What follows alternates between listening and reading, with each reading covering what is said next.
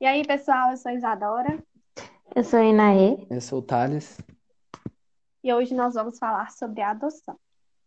É interessante que quando a gente se propôs a falar sobre esse tema, nós achávamos que sabíamos muito, né, pessoal, sobre o tema, e quanto mais a gente foi pesquisando, mais a gente via que o tamanho dessa problemática, né? E isso, a gente vê que um, a gente realmente nesse assunto era um pouco leigo, porque a gente imagina que, que adoção é uma coisa, mas quando a gente começa a ler, a entender sobre assunto, entender sobre requisitos, entender sobre as pessoas é, que estão no convívio ali, é totalmente muito diferente do que a gente imagina. Então, a problemática também me impressionou muito. Cada vez mais que eu ia vendo os dados, os números, e até mesmo vendo os relatos das mães, das famílias, das, das próprias crianças, me impressionou demais e me tocou em vários pontos que realmente tem que ser mais incentivado, é um tema que precisa ser mais abordado.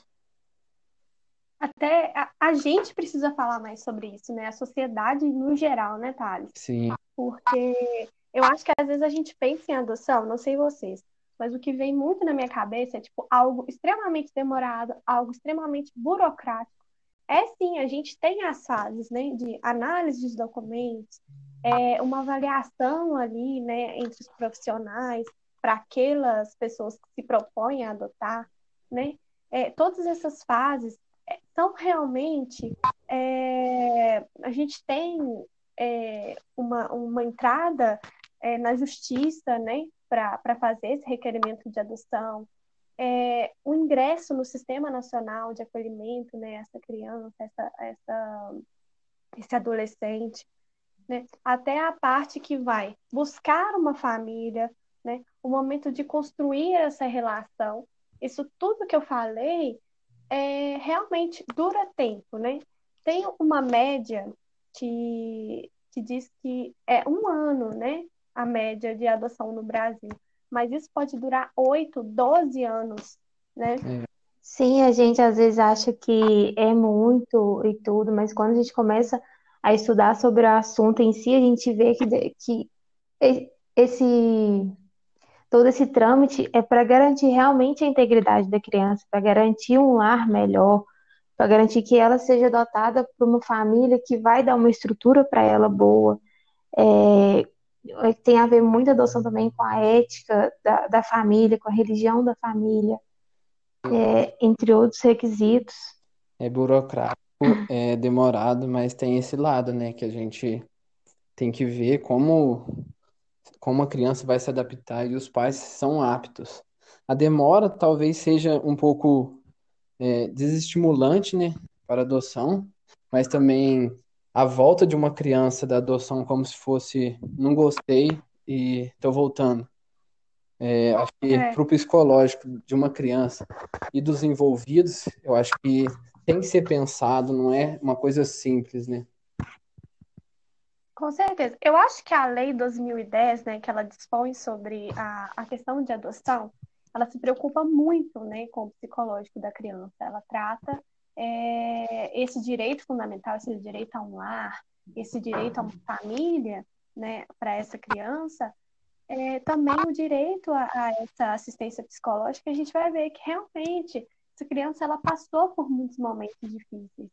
E esse acolhimento, ele tem que ser efetivado mesmo. Então, eu acho que essa busca por essa família, ela tem essa demora. Claro que vai ter processos que vão demorar, assim, anos e anos. E a gente sabe disso, que às vezes o tempo que é estimado não é o tempo que é feito, né? Só que realmente a gente precisa para que a gente consiga assegurar, né, o direito a essa criança. Então, uma noção de proporção, é, remetendo a dados, 91% das pessoas que vão adotar só aceitam crianças de até 6 anos, enquanto a 92% tem entre 7 e 17 anos. É, é muito interessante você falar de dados, Thales, porque eu estive olhando e eu não sei se a Inaê vai achar a mesma coisa que eu, mas eu achei que tinha muito mais crianças a serem adotadas do que Sim. pessoas querendo adotar. Você também, Inaê? Sim, eu sempre achava que tinha que eram muitas crianças e poucas pessoas para adotarem. E eu realmente eu ficava com dó. Tipo assim, e você vê que é totalmente ao contrário. É, eu acho que isso tem até a ver, porque, por exemplo, temos 34 mil crianças hoje numa casa de. É, para uma casa lá, né? E essas crianças, nem todas essas crianças estão aptas a serem adotadas. Por quê? Como a lei mesmo dispõe, é, tenta-se ao máximo, né? O Estado tenta ao máximo assegurar a adoção é, da família natural dessa criança.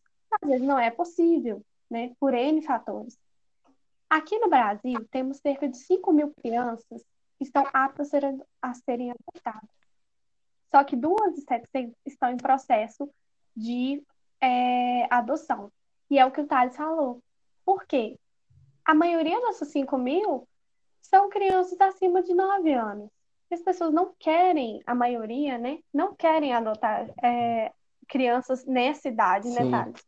Aí vem um ponto muito é, de muita convergência no quesito de adoção, que uh, os, as crianças para serem adotadas têm uma os pais que adotam têm uma certa preferência, que são as preferências primárias, que eu diria, que é de idade, de cor, de pele. E essas especificações limitam muito para as crianças que já vivem no abrigo, já têm uma idade maior, e isso vai dificultando cada vez mais, caindo na, é, na adoção é, tardia, que o número de crianças acima da idade que é procurada é muito grande.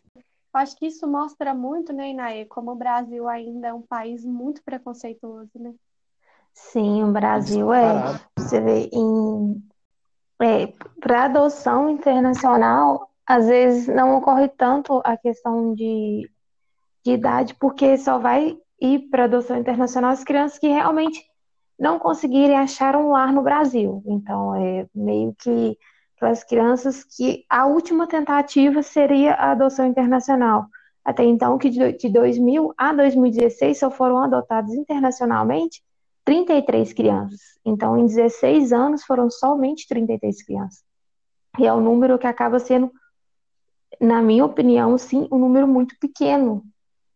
É. Diante do tanto para adotar, né?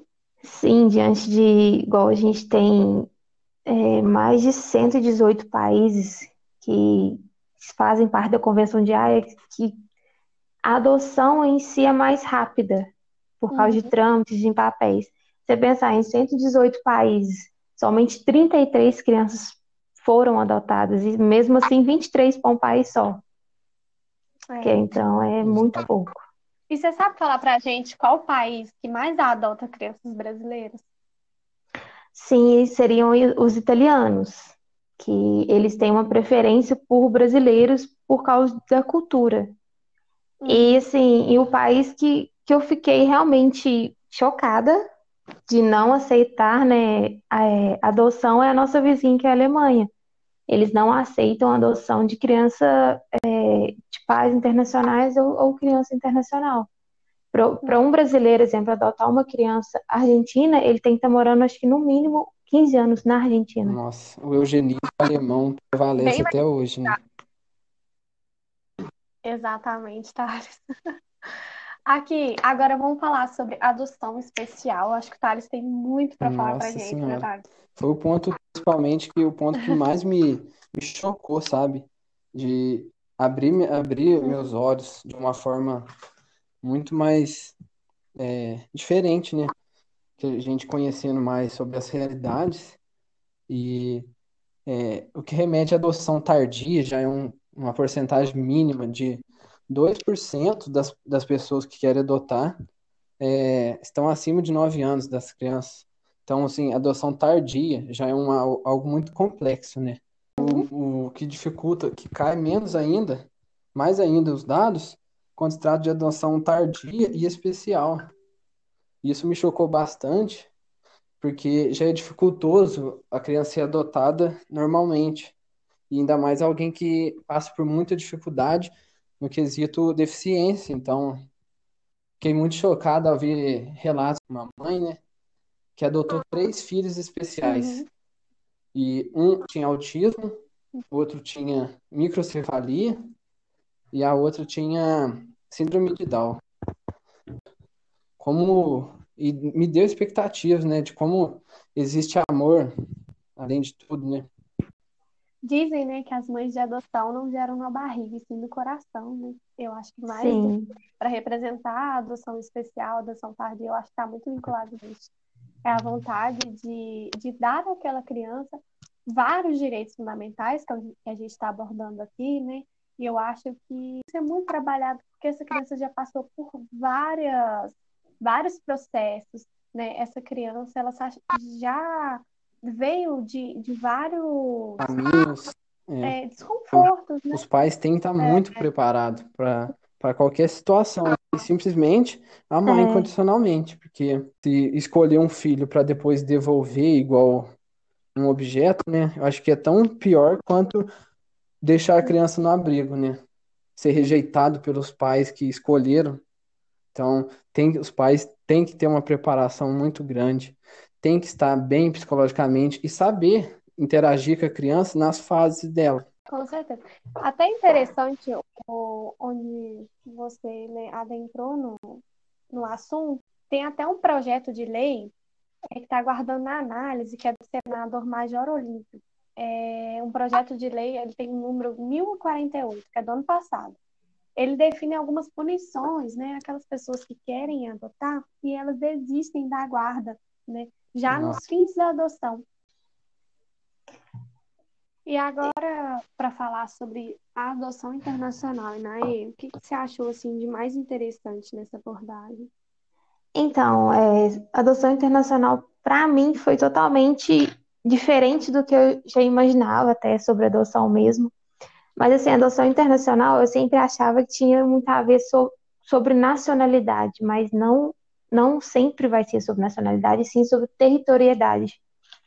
Porque se um brasileiro tiver na França e um francês estiver no Brasil, a criança e querer adotar a mesma criança, a criança vai vir pro, pro francês que está no Brasil.